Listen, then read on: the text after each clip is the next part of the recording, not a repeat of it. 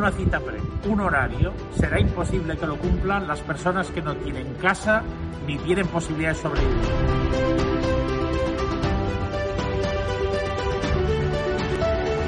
Una monja se arrodilló ante los soldados en Birmania porque se estaban encarnizando y peligraba la vida de los más vulnerables. Si es necesario, nos ponemos de rodillas ante los que tienen que tomar las decisiones para que no quede ni una persona sin hogar sin vacunarse.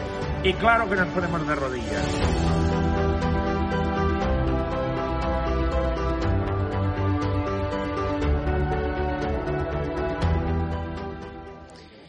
Què tal? Molt bona tarda a tothom. Benvinguts un dia més al Cultura Política, una setmana més al Cultura Política. Avui parlarem de dos temes ben interessants, com sempre, almenys ho intentem. Parlarem sobre si és justa la sentència del 17 d'agost, ja que ja sabem eh, quines penes tindran en principi els tres acusats d'aquest judici. També parlarem sobre la vacunació que arriba a les persones més, més vulnerables, en aquest cas, els sense sostre. Tot això, perdonin, al Cultura Política. Comencem.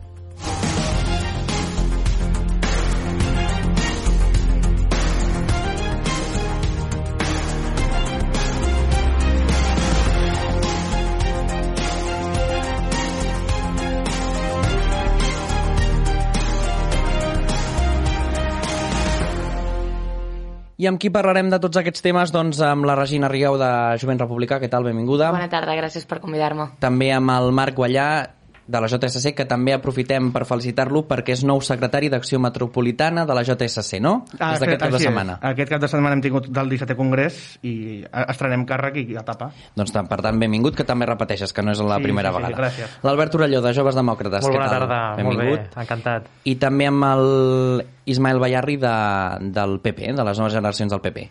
Bona tarda. Bona tarda a tots quatre. Parlem, si us sembla, abans dels primers titulars de l'actualitat de, dels darrers dies amb el titular.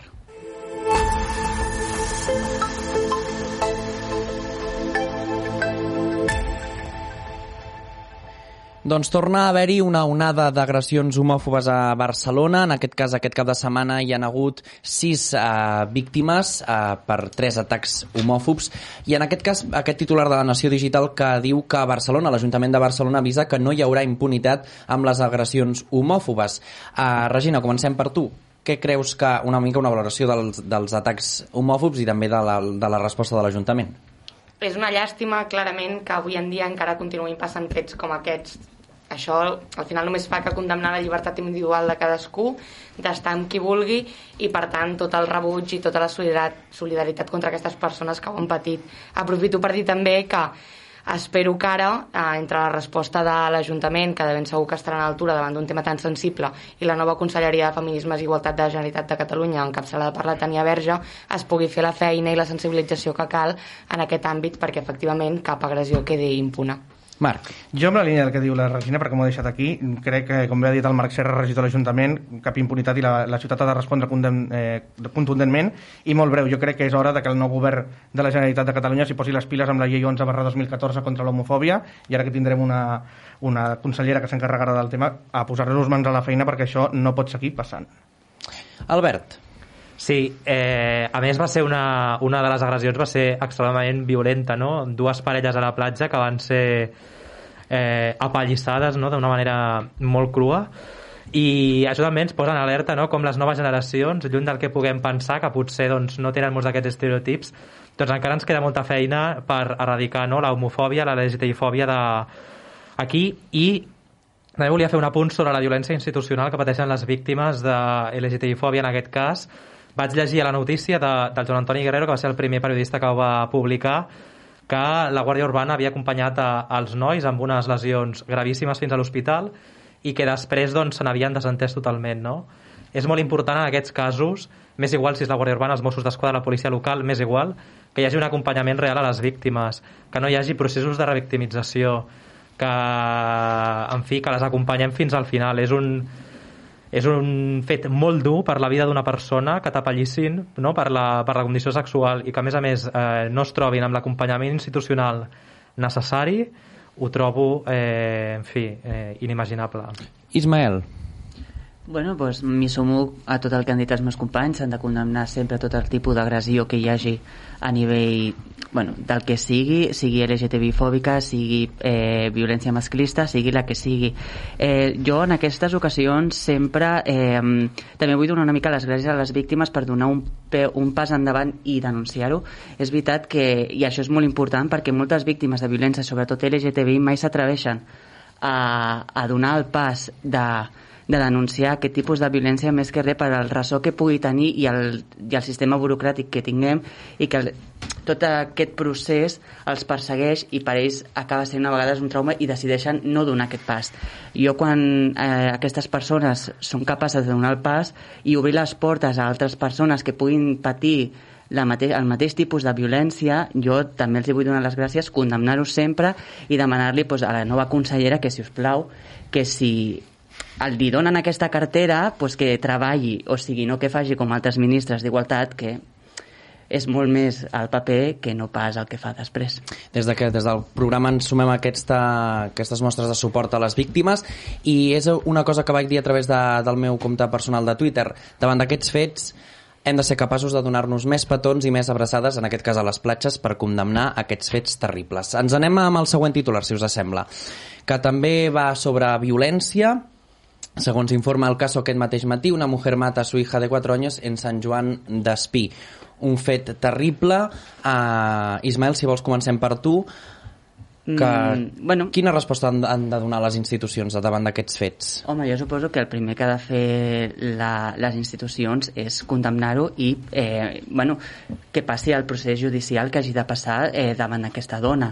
Jo considero que no, és, no hi ha cap tipus de justificació per fer aquest tipus de, de matança, eh, més que res és bueno, si tu en aquest cas, ara quedarà una mica lleig el que potser vaig a dir, però si tu en aquest cas no vols tenir una filla, vale, i és el motiu per al qual tu la mates, abans de fer-ho tens un muntó, bueno, tens moltíssimes vies des, del, des dels primers mesos, des del que és la pastilla el dia després, passant per als primers mesos que pots avortar legalment i després, en el cas que no, pots donar aquesta filla en adopció. Sempre pot haver una família que la vulgui i que no arribis en aquest desastre final.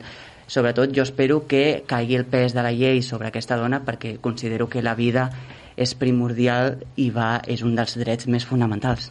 Mm. Albert. Sí, jo crec que és una de les notícies no més, més terribles que, que pot donar no? un mitjà de comunicació que ens podem arribar a assabentar, però la realitat és que la violència parentofilial i filioparental és una realitat a la nostra societat i que aquesta sigui una manera de posar-ho el problema sobre la taula. Aquests dies també hem tingut doncs, en horari de màxima audiència doncs, també un cas no, de violència en aquest cas filioparental i que això també ens serveixi per posar sobre la taula que aquests problemes dins de les famílies existeixen que no podem fer com si no existeixin que els serveis socials doncs, que molt sovint hi vam darrere no tenen a vegades tampoc les eines necessàries la justícia tampoc les té i jo crec que és un dels tabús que hem de trencar hi ha pares que maltracten els seus fills i hi ha fills que maltracten els seus pares i això per molt dur que ens pugui semblar eh, tenim el deure com a societat perquè eh, precisament no, hem de cuidar aquests nens no, que, no es, que no es trobin desemparats eh, dins de la seva llar doncs tenim el deure de, de posar-hi remei Marc, crec que també coincideix una mica en que és un tema tabú? Jo coincideixo tabú? amb la, coincideixo amb l'Albert amb el tema de que és un tema tabú, coincideixo amb que els hem de cuidar, que els hem de protegir i em sorprèn de que el PP parli d'avortament per tancar una mica. Eh, és una sorpresa que en aquest debat del PP recomani l'avortament quan, va, quan hi va arribar tard a la llei de l'avortament i per tant que em perdoni la, la Regina perquè és dona, per aquest sentit elles ho saben molt bé perquè ho han lluitat molt el col·lectiu feminista, però crec que és sorprenent que en una taula d'un debat com avui el PP comenci a defensar l'avortament. Arribeu tard, però arribeu. Bueno, Dit però això, tenim, jo crec... tenim la llei, o sigui, sí, sí. la llei està feta. O sigui, no, no, i tant, i tant, i tant. Davant de poder-lo utilitzar, es pot ens utilitzar, va, no? Ens va costar moltíssim, ens va costar moltíssim. Al govern Zapatero, sobretot, li va costar molt amb un PP molt fort com ara. I per tant, jo crec que les institucions han de treballar, hem de dotar els ajuntaments de més eines amb serveis socials i jo crec que la, la justícia també s'hi ha de posar, ens hi hem de posar tots i totes, perquè és un tema que per desgràcia segueix passant i és una xacra per la societat. Regina. Més enllà de reivindicar tots els drets que puguin tenir les dones i que de ben segur hem hagut de, de lluitar molt, jo crec que està clar que em sumo a la condemna d'aquests fets. És una notícia que entristeix i més tractant-se de la mort d'un infant. Per tant, crec que sí que cal posar aquest tema sobre la taula i que parlem també de protegir el, els drets dels infants. És, una, és un tema que a vegades passem per alt, que no el tenim prou a l'agenda política.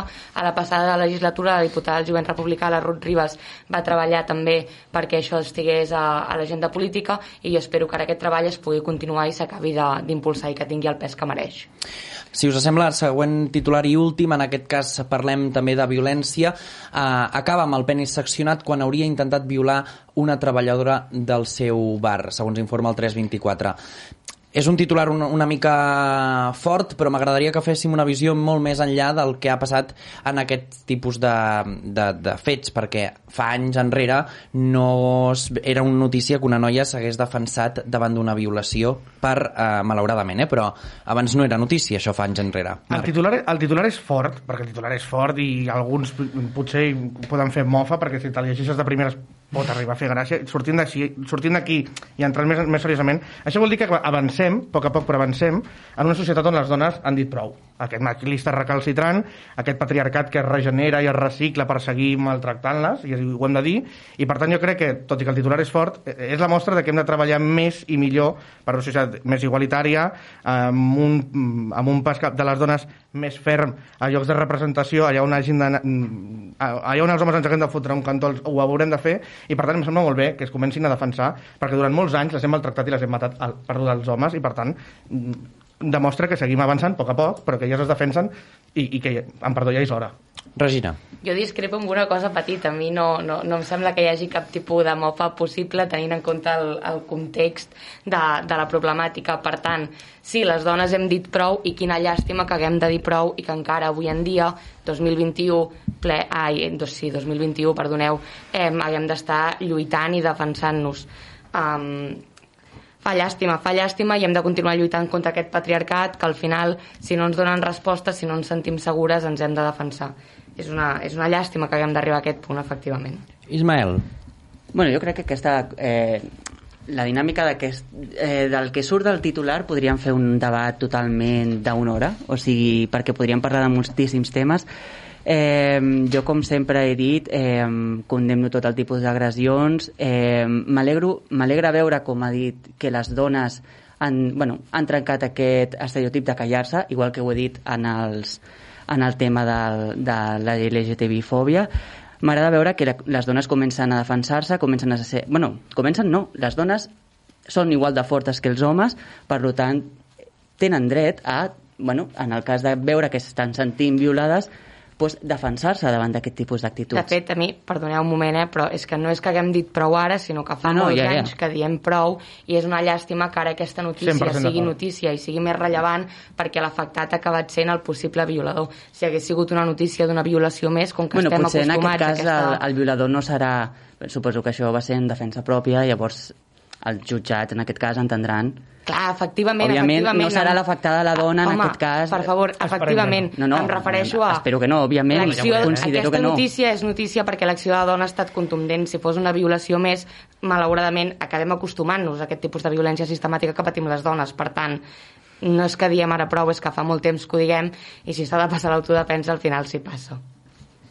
Albert, no sé si vols afegir alguna cosa no, al final. Jo, jo volia dir una cosa molt ràpida i és que posa, això posa en, en context no?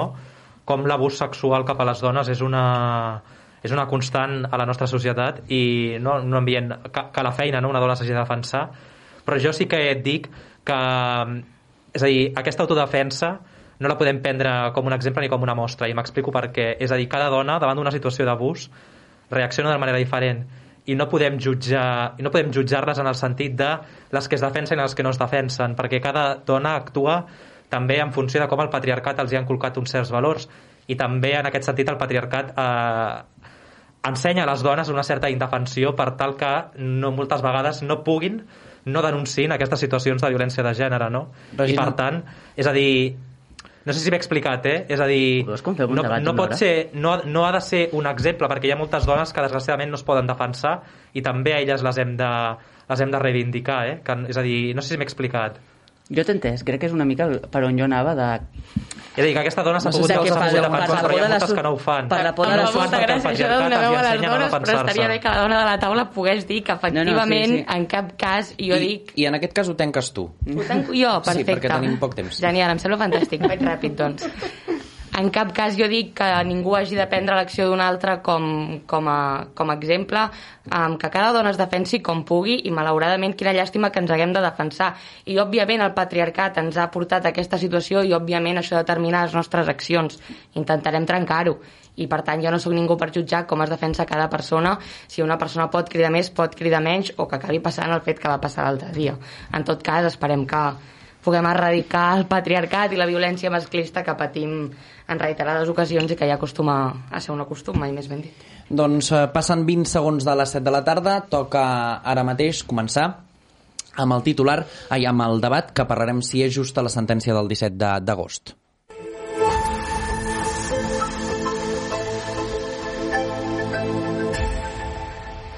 Doncs ja tenim sentència per aquest judici que doncs, ha donat tant a parlar. De fet, en aquest programa vam parlar eh, setmanes enrere, mesos enrere, millor dit, sobre aquest judici. Uh, un judici que té moltes branques, si voleu les comencem a desgranar.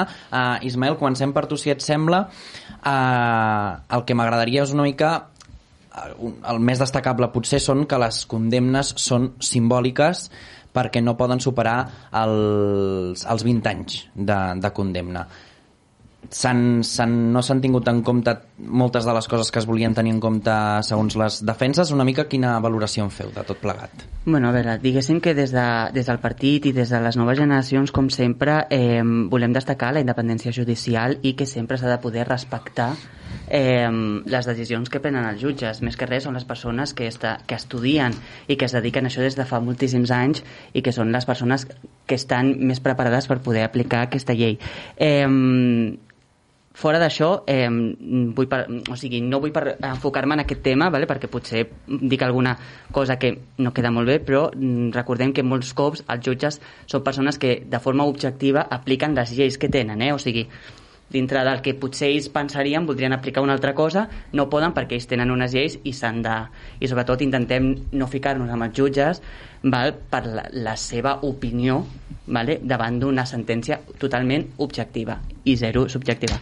Eh, tornant a la pregunta que, que tu em feies, eh, bueno, a veure, mm, quasi sempre les eh, condemnes que superen els 20 anys solen ser simbòliques perquè no poden superar-se. Eh, a veure, és un problema, per això des del Partit Popular sempre hem demanat la presó, la prisió permanent revisable i bueno, creiem que és molt important per delictes com aquests, i no només aquests, sinó altres delictes com els que hem tingut en el Codi Penal de tant violacions, matances, etc etc, en el qual s'haurien d'aplicar aquests, eh, aquest tipus de, de condemnes. Recordem que és, no és una cadena perpètua en la qual la persona perma, eh, visqui completament fins al fin dels seus dies dintre la presó, sinó que eh, bueno, es deixa en mans de psicòlegs, metges, educadors socials, que són les persones que estan dia a dia amb els presos, decidir quin és el moment en aquestes persones es- han estat, eh, són capaces de reinsertar-se a la societat. Llavors, mmm, problema, si dintre de poc aquestes persones no estaran reinsertades i tornaran a estar a la societat i podran tornar a cometre aquests tipus d'assassinats, doncs aquí és on ve el problema, d'on ha d'haver-hi un seguiment per part de la policia eh, aquestes persones per intentar evitar que es tornin a cometre els atemptats tan deplorables com els que van haver-hi a Barcelona el 17 d'agost. Si us sembla, anem a veure, abans de, de seguir amb, amb el debat, unes declaracions de Miguel Ángel Carballo, que ell és el tinent fiscal de l'Audiència Nacional eh, Espanyola, eh, que valorava aquesta sentència. Técnicamente, jurídicamente, el juicio era el juicio de Alcanar. Sin embargo, las víctimas, tanto de Barcelona como de Cambrils como de Subirat, han tenido la reparación, la única que podía ofrecer en ese momento el Estado, que no es suficiente, no es la reparación de la justicia, sino simplemente una reparación indemnizatoria. Y respecto de las víctimas, para que entender esta expresión de Alcanar del juicio, El Ministerio Fiscal solicitó para todas ellas la correspondiente indemnización que ha sido acordada y, por tanto, en ese sentido creemos que, que la Fiscalía ha cumplido y la sentencia pues eh, eh, repara el daño en la medida de lo posible. Repara el daño en la medida de lo possible. Esteu d'acord, Albert, amb aquestes declaracions? A veure, és impossible reparar el dany provocat per un, per un acte així, és a dir, un, és a dir, un atemptat contra la vida d'una persona és irreparable. Eh, no hi ha camí de retorn possible, això és evident, no? El que sí que diu és a dir que hi ha hagut unes indemnitzacions, això és cert, però el que no hi ha hagut és el reconeixement encara per moltes de les víctimes de l'estatus eh, de víctima, no? I bé, és, eh, i d'això ja em, fa, em farà 4 anys ara a l'agost i per tant aquí una mica de celeritat amb els procediments perquè les víctimes del terrorisme eh, tant les que han patit seqüeles físiques com psicològiques són unes seqüeles molt greus i que necessiten eh, d'una gran ajuda professional, no? i per tant aquestes persones doncs, eh, necessiten ajuda de manera urgent. Sobre la sentència, jo crec que hi ha molt, molt, moltes ombres, hi ha hagut molts aspectes que no s'han pogut aclarir. No hem pogut aclarir si l'imam realment va morir o no allà. Les proves d'ADN no són concloents. No hem pogut saber quina va ser la relació de l'imam amb el CNI i amb la Guàrdia Civil. Recordem que l'Audiència Nacional hi va practicar una sèrie d'escoltes. Uh, i a tot això se suma la dificultat no, de, de fer el seguiment d'aquestes cèl·lules terroristes precisament no perquè seguir la, la radicalització d'algú, no? com passa una persona insertada, com, és a dir, eh, que viu en societat de manera pacífica i correcta, passa no, a voler posar eh, una bomba, és a dir, un camió amb bombones de butano a la Sagrada Família, és a dir, quin és el recorregut eh, psicosocial que hi ha hagut en aquest cas és molt difícil d'establir i per tant jo també entenc que hi ha un component molt difícil d'aprovar. També a mi em sorprèn que aquestes persones no s'hagin pogut no se les hagi pogut condemnar per assassinat. És per això que no els hi ha caigut la pena per, eh, perdó, la, la presó perpètua revisable, perquè només pot ser en casos d'assassinat, genocidi, eh, violacions greus o delictes contra la vida del cap de l'Estat, no? i per tant doncs, eh, aquesta peça d'assassinat eh, la sentència argumenta que els autors materials de, dels atemptats van ser eh, abatuts de manera diligent per part del cos de Mossos d'Esquadra i que per tant els, eh, els jutjats en aquell cas doncs, no tenien responsabilitat material sobre, sobre aquests fets. Jo crec que, és a dir, en un judici com aquest, més que posar... Jo crec que les víctimes necessiten també saber què va passar, no? i és en aquest sentit on jo crec que la sentència es queda fluixa. Fent un, un, un apunt encara al que deia l'Albert, eh, el tribunal encapçalat pel jutge Félix Alfonso Guevara no ha condemnat per assassinat ni per lesions perquè considera que la interlocutòria del processament dic dictada pel jutge d'instrucció ho excloia. Això és una mica... Exacte. Però... Sí, sí, i de, i de fet parla de que els, els, els abatuts van actuar per compte propi i també bueno, les víctimes recorreran. Jo crec que és, és un procediment molt, molt difícil jo crec, i parlo com a responsable polític, sí que és, a, a, jo estic a l'Ajuntament de Barcelona, però crec que el, parlar de si és justa o no és justa, cadascú considera el que és just o no és just amb la, amb la seva valoració. Això és un treball dels jutges i, per tant, jo no entraré a valorar la feina dels jutges, acatarem la sentència. Solidaritat amb les víctimes, amb les víctimes sobretot. L'Albert ha dit una cosa que és cert, que els atemptats aquests deixen seqüeles i les deixen per tota la vida, per desgràcia. I, per tant, Eh, jo crec que aquí hem, ens hem d'espavilar totes les administracions, i quan dic totes, totes, des dels ajuntaments al Ministeri, per tant, aquesta celeritat que es demana és cert, hem de, hem, hem de, hem d'empantar per, per seguir-los acompanyant. Més ben dit, jo crec que hem de provocar el que ha passat altres vegades, i és que no s'oblidi. Fa poc vaig llegir un llibre que ha fet la Pepa Bueno molt bo, que parlava de dues víctimes d'ETA, el terrorisme, d'un atemptat a la Casa Quartel el 87, que després van entrar a la Guàrdia Civil, resumeixo, eh? però ells, encara dia d'avui, i ho diu el llibre, somien amb aquella nit quan explota la casa Quartell i un d'ells encara té l'olor del, de la Monal en el seu cos. Perquè ens imaginem les seqüeles que deixa, eh? Posa la pell de gallina explicar-ho. I jo crec que d'aquestes magnituds de les que parlem, de cada tragèdia personal, jo crec que sí que és veritat que les administracions hem de fer més i millor i hem d'apartar més, i és una autocrítica que faig. Eh? Jo crec que aquí ens hem de posar tots, perquè no pot ser que els deixem desatesos la sentència, per desgràcia, això es pot recórrer. I, per tant, jo crec que les víctimes han de recórrer i a veure si... Sí, sí és a dir, bueno... Aquí, de fet, l'Associació de Víctimes del Terrorisme la recorrerà perquè s'anuli aquest judici i es repeteixi. Deixem a la Regina que Sí, que gràcies. Jo em sumo a l'escalfa a les famílies perquè efectivament és un fet que et marca de per vida i el, el testimoni que escoltàvem a les declaracions comentava que, que era, aquesta sentència era l'única reparació per les famílies Eh, jo crec que no, crec que això és irreparable i crec que, a més a més, que com bé també comentava l'Albert abans, um, calia que s'investigués tot a fons. Calia saber quines eren les relacions que hi havia de l'imam amb el CNI, perquè si tu, jo com a Regina, com a ciutadana, no puc arribar a entendre que partits polítics com el PSOE, el PP, Ciutadans eh, vetin aquest debat al Congrés i més a una cambra on s'ha de poder debatre tot. Per tant, um, calia arribar al final, calia saber-ho tot, com també cal condemnar els actes que van passar. Creieu que se'ns està amagant alguna cosa amb aquest, coincidint una mica amb aquestes ombres que, que ara treia l'Albert i també la Regina? Perdó, jo vull dir que en cap cas jo estic dient que hi hagi cap teoria conspiranoica, només dic que crec que s'ha de poder investigar, que s'ha de poder en democràcia parlar de tot i si hi ha uns indicis de que hi havia una relació que a més a més ha estat confirmada, no entenc el per què en una cambra democràtica s'han de debatar aquests tipus de debats que més afecten a tantes famílies i més pensant eh, coi, que estem parlant d'un atemptat terrorista, que hem de tenir una lluita antiterrorista ferma i que, per tant, um, bueno, jo crec que s'hagués hagut de tirar endavant aquesta comissió d'investigació sense cap mena de dubte. Ismael.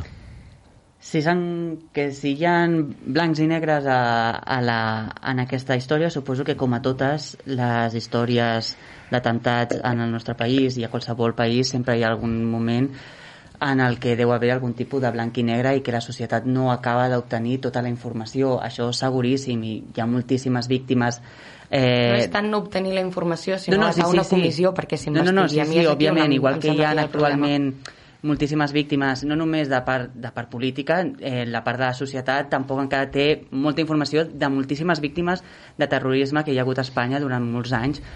Eh, segurament hi hagin moments mm, o trossos que no acabem de resoldre o que es quedin amagats, suposo que sí, perquè, eh, bueno, no vull... No sé com explicar-ho ben bé, però sempre hi ha moments en els que la política ha d'intentar buscar el màxim benefici per la seva societat.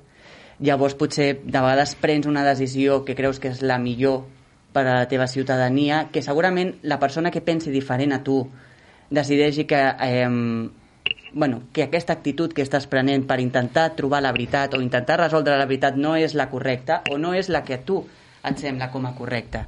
Llavors, eh, bueno, suposo que si donéssim tota la informació a la societat potser l'acabaríem polaritzant d'alguna manera.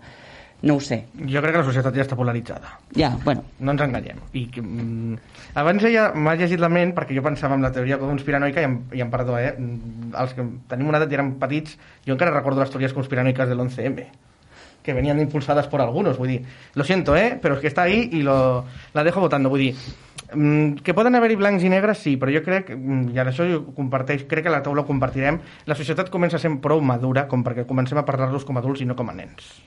I és una autocrítica a la classe política. A vegades mm -hmm. sembla que el Congrés sembla un pati d'escola i fa vergonya. Jo crec que... No, no, totalment. A mi no em sembla un pati d'escola intentar impulsar una comissió no, no, no, per investigar... No, no parlo d'això, no parlo d'això, parlo ah, de, de la societat polaritzada. Si us sembla, ara seguim parlant, però anem a posar fil a l'agulla amb la sentència dels tres acusats. Anem a veure si, si us sembla el primer gràfic en el que parlem de Mohamed Houli Chemlal, que és el que més anys de presó tindria.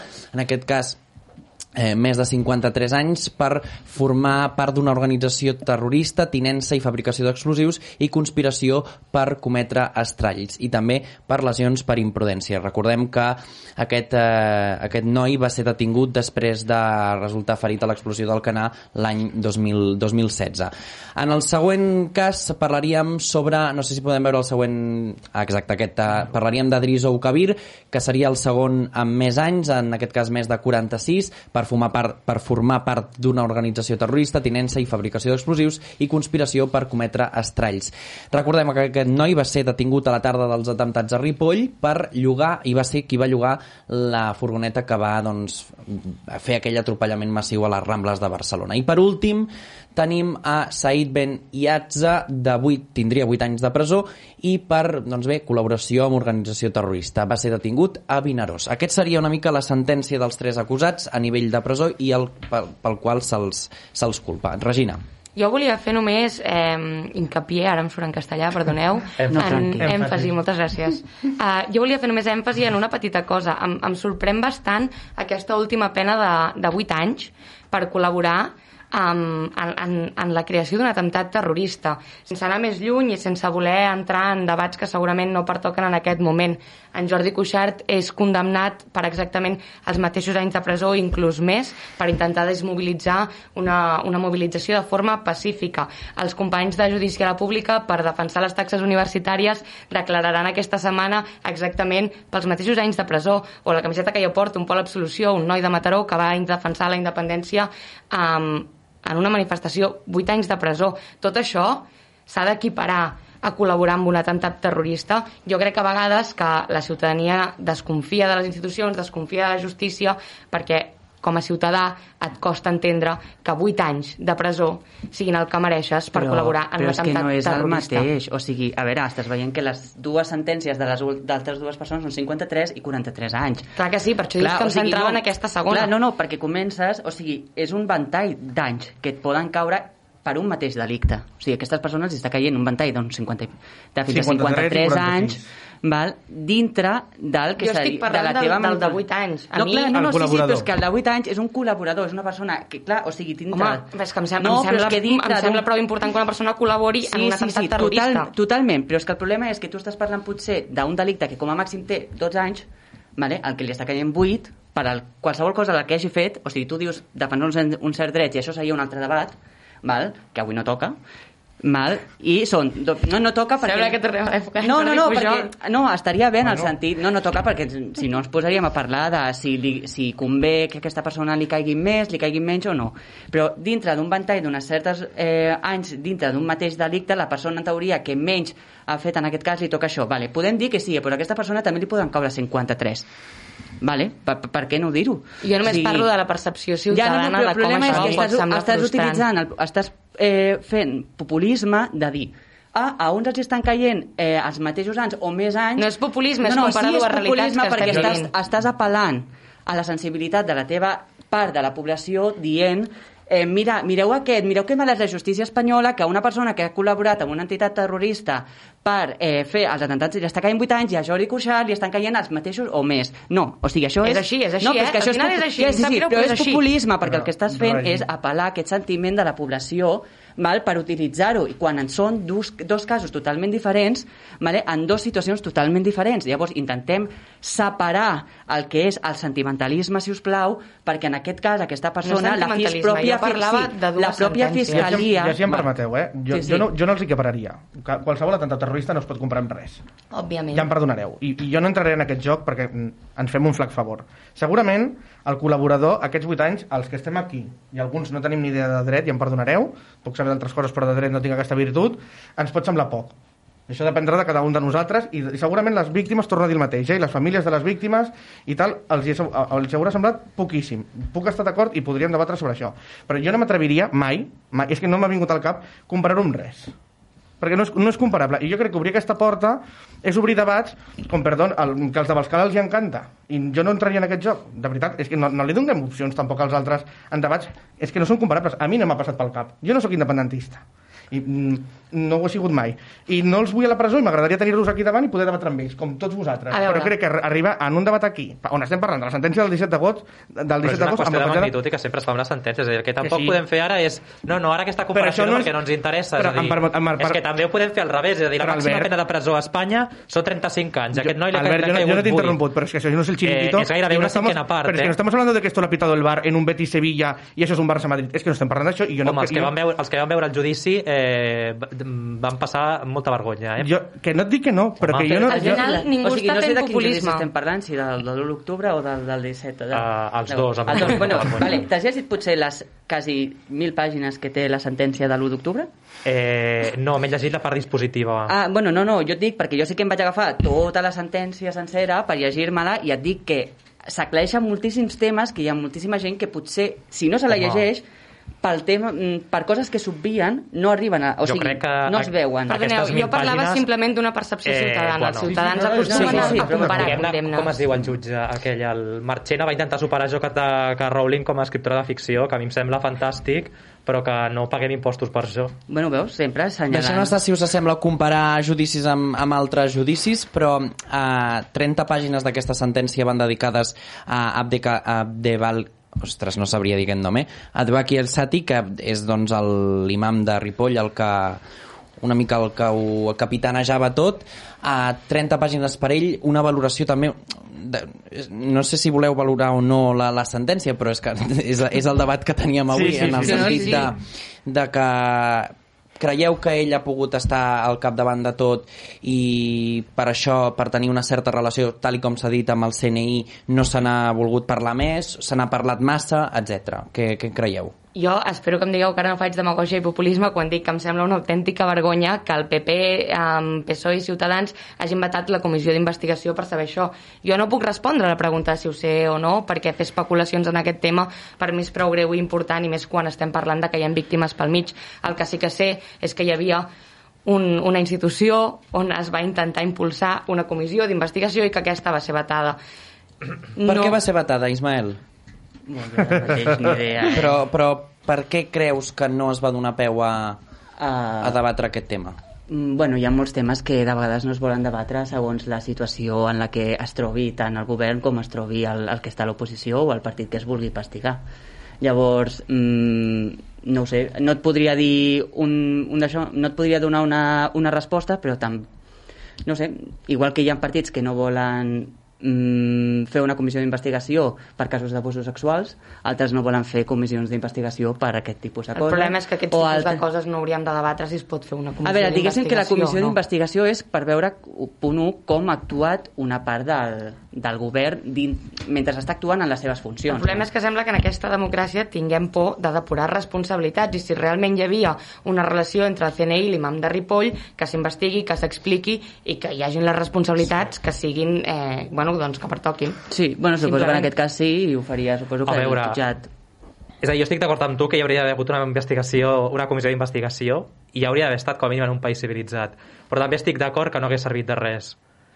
Eh, perquè ja sabem com van en aquest país les, Però per les, les a comissions d'investigació. que estem d'acord amb que hi hagués hagut de ser. Bueno, I, a més a més, una, a un altre tema, un altre la- tema. moltes- un El, el cosa secretari... dir- Digue'm. No, no, només vull dir una cosa ràpida. Normalment, actualment a Espanya, i no sé si a la gran part de les democràcies, les comissions d'investigació actualment jo les veig una mica una mica al paripé. Eh, que Home, no és cert. Jo ho veig una mica al paripé perquè el, el que volen... El Home, que, a- el als que volen Units els pol- imputen càrrecs penals, eh, les vale, comissions doncs comencem per. Espanya. Però ja s'ho prenen en sèrio, estem parlant... Ah, sí, estem Al a Regne Unit també, eh? Ja, vale, doncs a Espanya. A Espanya no ens la prenem Perdoneu, en és que sèrio. em sembla molt fort que el Reduïm PP es- que havia estat al govern i el PSOE que ara hi són diguin que, bueno, que és un paripé i que aquí no ens ho prenem en sèrio. bueno, doncs però és que no ens ho prenem en sèrio en el sentit de, des de que quan nosaltres... Jo vaig a fer la meva explicació, no ens la prenem normalment en sèrio, més que res perquè la gran majoria de partits el que volen és fer una comissió d'investigació, a vegades a saber qui sigui part del, hagi sigut part del govern, hagi sigut eh, algun Sí. responsable, és més que res per treure el trai, ai, el tall mediàtic per després Sí, perquè utilitzar-ho. no, no té perquè... cap utilitat. És a dir, però jo el que volien dir Clar, perquè era... per això era... estan als jutjats. Ens queda sí, també... però jo el que volia dir-. Un minutet, Jo el Albert. que volia dir era que el secretari director del CNI va comparèixer a la Comissió de Secrets Oficials, on per cert cap partit independentista hi té, hi, hi té accés i les sessions són secretes i per tant no sabem què es va explicar. És a dir, i per tant, si ets mal pensat, jo ho soc i molt, penso que el que no s'explica és perquè es vol amagar. I per tant, és a dir, si no s'explica exactament què hi va haver allà, vol dir que hi ha alguna cosa a amagar. I posats a pensar malament, doncs tothom, eh, la imaginació és lliure. Bueno, però hi ha el coses problema, per eh? amagar, perquè també tam... la cúpula dels Mossos d'Esquadra també deien que tenia coses a amagar sobre Marc, que... afegim una Bueno, Jo vull, afegir, jo vull afegir una dada perquè ens han acabem. preguntat per, per què es va vetar la comissió d'investigació. És tan fàcil com buscar-ho a Google i ho trobaràs. Ben fet, a més, es va vetar, entre altres coses, perquè dies abans eh, Ciutadans va proposar al Congrés una proposta no de llei per parlar dels, de com s'ha arribat als atemptats. Esquerra, PDeCAT i tota la resta de l'oposició va votar en contra, no es va arribar a posicionar i el PSOE té per tradició no demanar mai comissions d'investigació sobre això. Em sembla que no ho va fer mai sobre l'11M, tot i que es podria haver fet per la teoria de la conspiració, i per tant aquí sí que puc dir que és una tradició del partit. Jo- Malament o no, mira, no estic a Madrid, no sóc un portaveu del grup Òbviament. Ara, parlamentari. ara et deixo respondre, si us sembla, però obrim l'informe Zambrana amb Germán Zambrana.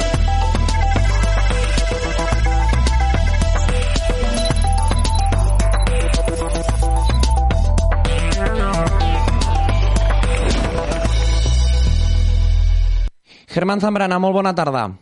Bona tarda. Avui parlem sobre speech writing, ho dic bé? Sí, ho dius bé. Qui, què hi ha darrere dels discursos, no? Sí, bàsicament aquesta setmana, eh, després de la investidura del, del Pere Aragonès, s'han confirmat quins són els càrrecs a l'ombra no, de, del Pere i, sempre entre els que som una mica friquis de la comunicació política sempre ens agrada mirar qui hi ha darrere, no? del discurs, de qui escriu el, el discurs de, del, del nou president, bàsicament. I això se li diu speech writer, uh, que, Mhm. normal, que això es va fer famós als Estats Units amb l'speech eh, writer d'Obama, que era John Favreau, i a partir d'aquí pues, tothom s'ha professionalitzat això, bàsicament, i tots els polítics busquen tenir el, el, el millor speechwriter al seu costat. Qui tindríem darrere de Pere Aragonès? Mira, ara han confirmat que el, el, el responsable de discurs del Pere serà Arnau Albert, Uh -huh. eh, que era responsable d'estudis polítics de la Fundació Josep Irla. La Fundació Josep Irla és una de les principals fundacions vinculades a Esquerra Republicana de Catalunya. Uh, és una, funda, una fan investigacions acadèmiques, etc etc. i serà la persona que ara mateix escriurà eh, tot el que digui Pere Aragonès a partir d'ara. En quins... O sigui, amb, amb què es nota que hi ha un, un speechwriter darrere d'un discurs polític? Germán? Jo crec que l'speechwriter té... Si jo fos speechwriter, que no és el cas, jo crec que, el, que hi haurien quatre reptes, Uh -huh. o tres. El primer repte és guanyar-te la, la...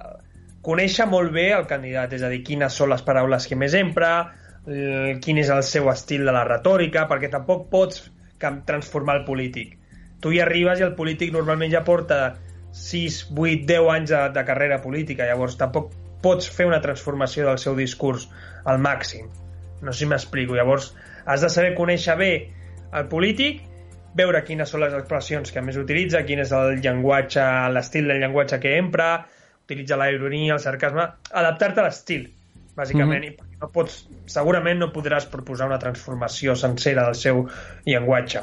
Per mi el segon repte és acostumar-te que normalment el que li escriguis al polític el 80% no et farà cas, és a dir, forma part de la naturalesa humana, tothom se sent millor amb el que un pròpiament escrit i això sempre és un, un dels reptes.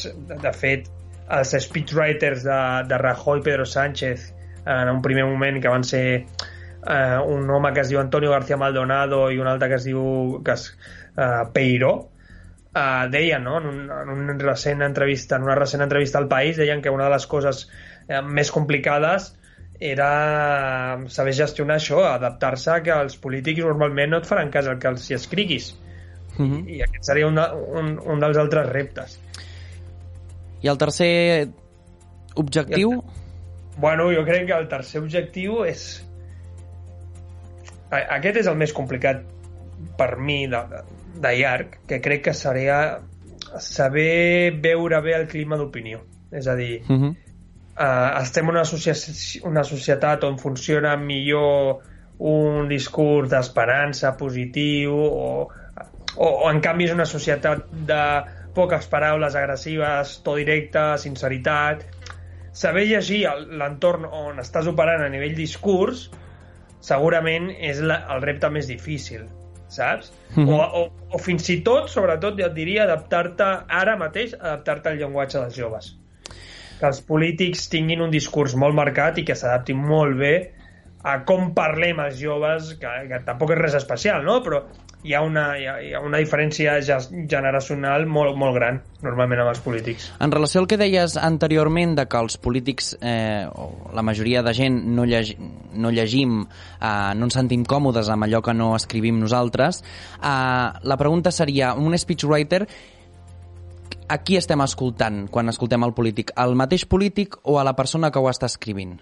Per molt que coincideixi, no és la mateixa persona, i hi, haurà, hi haurà coses que podran variar. A qui estem es, Jo, escoltant? jo, crec que, jo crec que majoritàriament escoltem el polític, crec Mhm. que en un, tant, jo diria 70-30, vale? però sí que hi ha missatges que són claus en una roda de premsa que segurament l'speechwriter segurament el polític té molt clar que ha de dir això però l'speechwriter facilita la feina i li escriu d'una forma que serà molt més entenedora Uh -huh. I, i aquest 30% és segurament segurament si, si l'speechwriter fa la seva feina bé segurament és, serà la frase o els 15 segons que aniran després a l'informatiu però aquest és el repte o sigui, el 70% del que escoltem d'un polític és el polític ell perquè no perquè no té temps per memoritzar, no té temps per anar en cotxe a un meeting, memoritzar-se un text d'una pàgina que li hem escrit. De fet, estic segur que en la meitat dels casos ni s'ho mira, ni ho llegeix, però ell sap que hi ha tres missatges que ho ha de dir d'aquesta manera i segurament això és el que comprin després els mitjans. No sé si, si, mm. si va per aquí la pregunta. Doncs sí, sí, sí. Moltíssimes gràcies, Germán Zambrana, per, aquesta, per aquest coneixement més de l'estratègia política del màrqueting polític. Gràcies, Germán. Bona tarda. Gràcies. Una abraçada. Doncs nosaltres seguim amb el programa. Ara ens anem amb el següent debat. Si us sembla, eh, parlarem sobre la vacunació, que com hem dit a l'inici del programa, arriba a les persones més vulnerables. Eh, com a petita introducció pel, pel següent debat, hem parlat amb el Ferran Busquets, ell és de la Fundació Arrels, eh, que ha estat doncs, la fundació que majoritàriament ha impulsat aquesta, aquests cicles de vacunació per la gent més vulnerable. Hem parlat amb ell aquesta tarda i això és el que ens ha dit. Bé, creiem que és una molt bona notícia, sobretot perquè s'està considerant a les persones que dormen al carrer i això és una, un fet que no hauria de ser una sorpresa, però una miqueta ho és. Llavors, en aquest sentit, eh, nosaltres estem molt contents de que s'hagi prioritzat i, de més, que s'hagi facilitat. El fet que hagin vingut al nostre centre és una molt bona notícia. Um, Sor Lucía Caram va fer un vídeo fa mesos enrere reclamant que les institucions eh, donguessin una resposta a aquesta gent per, vac per vacunar-se, um, en el qual en aquest vídeo també eh, s'agenollava, no sé si l'has pogut veure aquest vídeo, però el que deia també aquest vídeo era que la gent sense sostre no se li podia donar una hora, mm, o sigui, una, en una llista d'espera perquè no té casa per esperar, perquè no té, o sigui, que no són aptes per poder estar en aquest cicle de, de vacunació normal mal. Creus que la lluita d'aquestes associacions com la vostra ha afavorit a que es pugui adaptar la vacunació a aquesta gent sense sostre? Jo crec que sí, el fet de que, de que nosaltres insistim i per terra, mar i aire, com ens agrada dir, crec que uh, ha fet moure aquesta, aquesta, aquesta, aquest pas. No? Les entitats porten molts anys sensibilitzant davant d'aquesta problemàtica tan greu com és la de persones que estan dormint al carrer, llavors, sense cap dubte, uh, i esperem que així sigui, això ha sigut el que ha fet uh, canviar aquesta mentalitat i fer veure, per exemple, que una persona que dorm al carrer doncs, no dorm al carrer perquè vol, sinó dorm al carrer perquè no li deixem una altra opció en el cas de les vacunacions, doncs, com està molt bé, és que s'hagin apropat doncs, a un centre on estan, també ho faran a Santa Anna i esperem que ho puguin fer amb altres llocs o repetir-ho. En aquest cas, parlant de la vacuna, seria uh, una, una, una sola dosi de Janssen, si no m'equivoco, eh, uh -huh. i gràcies a un vehicle que està al carrer per vacunar. Bé, en aquest cas eh, el que, passa, el que es farà és, serà evidentment una dosi, perquè si no es fa una dosi eh, serà molt difícil fer el seguiment per la segona. Llavors, eh, en principi vindrà un equip aquest dijous al nostre centre obert, llavors caldrà veure eh, bueno, com s'acaba materialitzant i després a Santa Anna faran el mateix, segurament sí que vindrà algun equip mèdic, evidentment, de, de suport i després finalment eh, sí que ens, ens consta que l'Ajuntament habilitarà doncs, algunes, alguns uh, equips mòbils que es puguin anar movent per fer aquestes vacunacions. El que és important és que totes les persones que vulguin es puguin vacunar. Cal veure també quina resposta hi ha.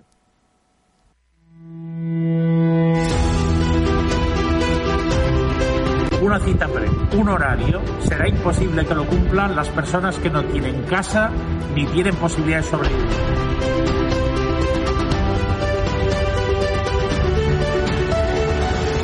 Se arrodilló ante los soldados en Birmania porque se estaban encarnizando y peligraba la vida de los más vulnerables. Si es necesario nos ponemos de rodillas ante los que tienen que tomar las decisiones para que no quede ni una persona sin hogar sin vacunarse. Y claro que nos ponemos de rodillas.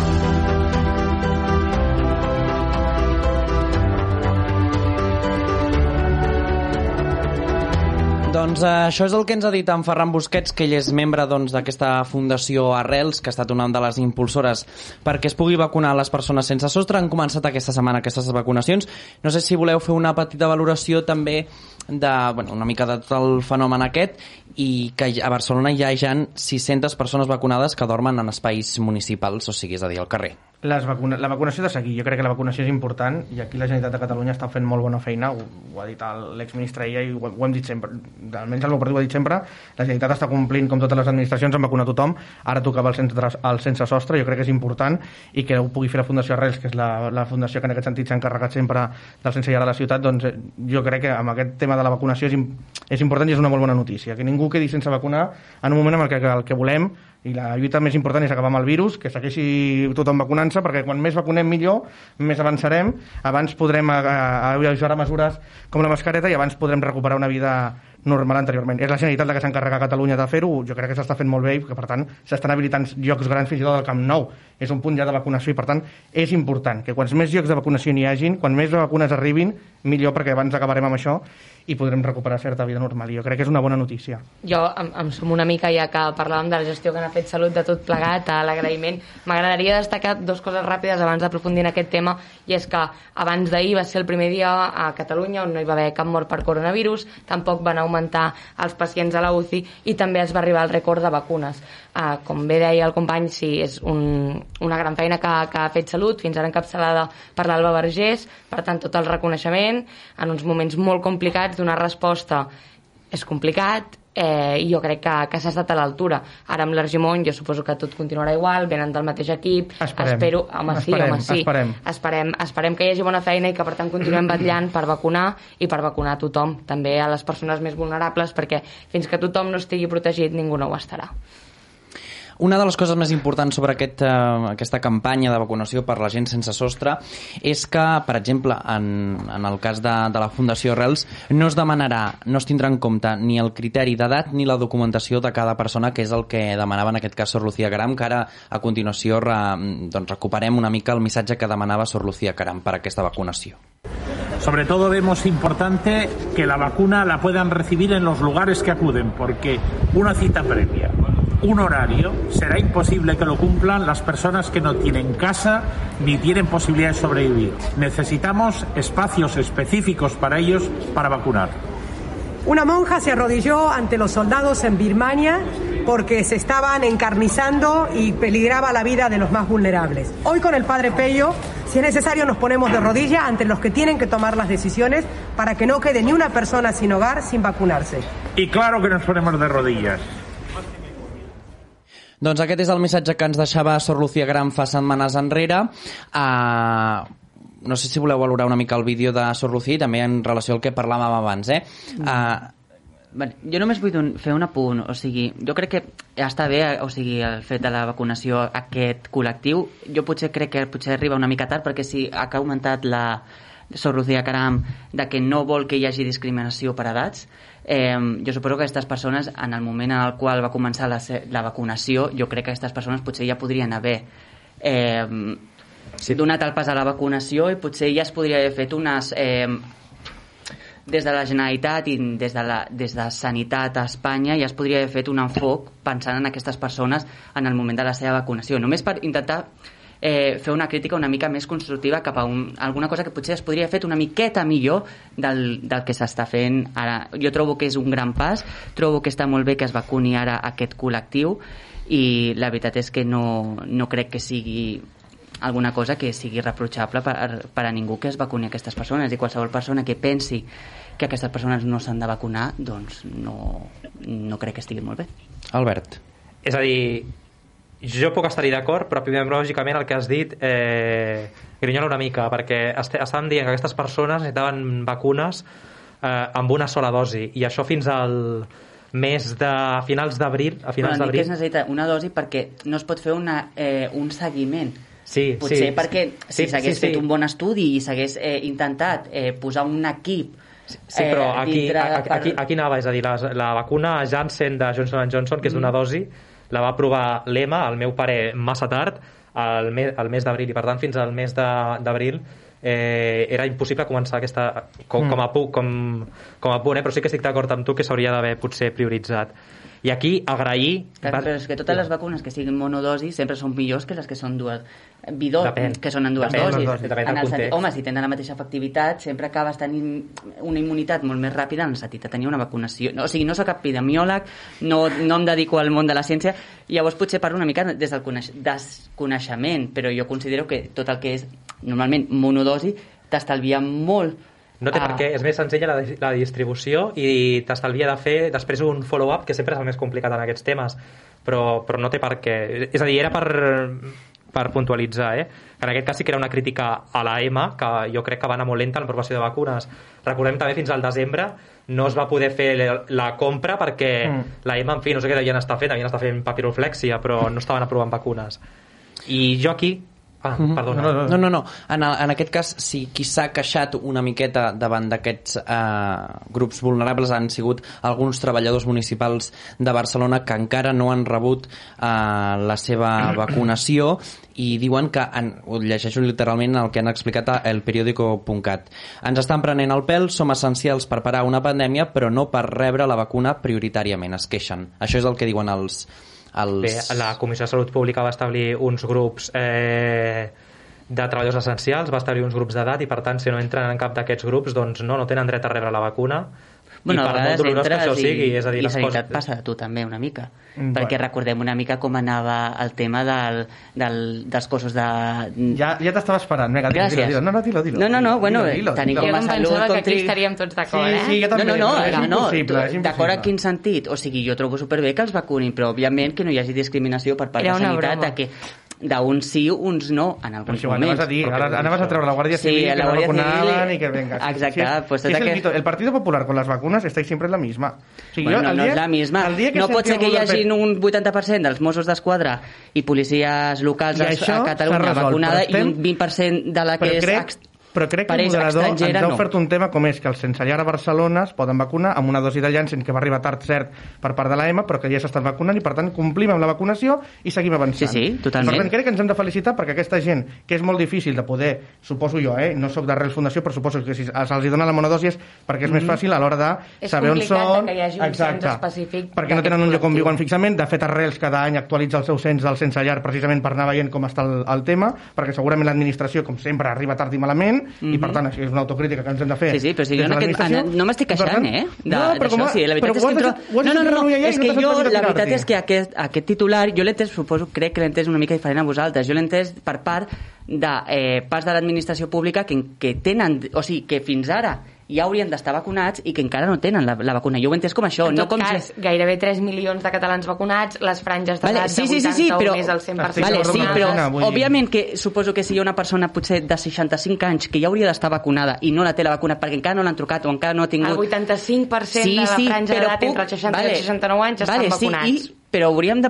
Potser podria... Aquesta gent no té dret a queixar-se si no està vacunada. I qui ha dit que no es puguin queixar? Bueno, Tothom té no- dret a reclamar la no vacuna i tant de bo tots estiguem vale, no vacunats entenem com abans aquesta, millor, clar, òbviament. òbviament, però no entenem que hem d'entendre que aquesta gent el que vol és que també se la vacuni a ells. Però jo i també demanaria la l'Albert, solidaritat amb jo- tothom, eh? és a dir, que...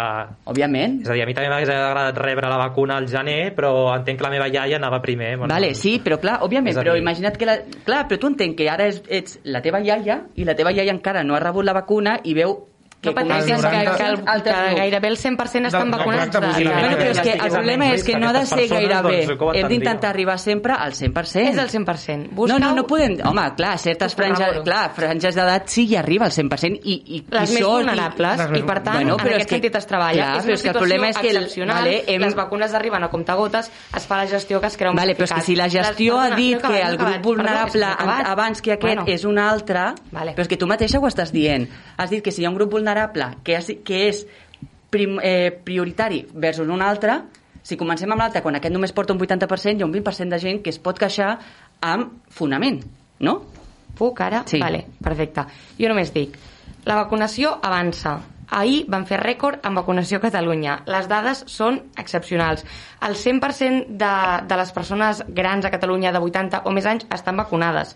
S'intenta, ara s'està començant a vacunar tots els col·lectius més vulnerables com són els sense sostres. Per tant, celebrem-ho. Celebrem que intentem vacunar a tots aquells col·lectius més vulnerables i que els altres, el meu pare té 60 anys i ha rebut la vacuna doncs que els altres també van avançant. Per Sí, tant, sí, òbviament. per tant, els col·lectius que són de risc, els col·lectius que són essencials, estan vacunats, s'estan sent vacunats. Si algú vol la vacuna, que no pateixi, que arribarà, però a tots ens agradaria estar vacunats, les coses bueno, van al seu ritme, jo crec que de fet van prou ràpides i crec de fet que no és que ho pensi jo i que no és una percepció de la Regina, sinó que les dades ho demostren. I repeteixo, ahir cap mort a Catalunya, eh, cap nou pacient a la UCI i recorren vacunacions. Jo, Ràpidament. La, és que m'ho he deixat molt, molt fàcilment. No podem retorçar-ho tot per, um, per criticar la vacunació i per criticar Però jo no he criticat la I a vegades vacunació. ens agafem a claus ardents, no he interromput, ens agafem a claus ardents per tenir la raó. Jo crec que la vacunació ha de seguir avançant, les dades són positives i jo crec que aquí el problema està en que les, les, la, la, la fita que es va marcar el govern per tenir la vacunació feta al 70% s'està arribant i això genera mucha rabia perquè claro, el govern acierta. Home, Les dades que no són tan favorables, ja per acabar, 4.700 persones segons la Fundació Real sense, eh, sense llar i 1.239 dormen al carrer actualment. Per tant, eh, fins aquí el Cultura Política d'avui, fins la setmana vinent. Adéu-siau.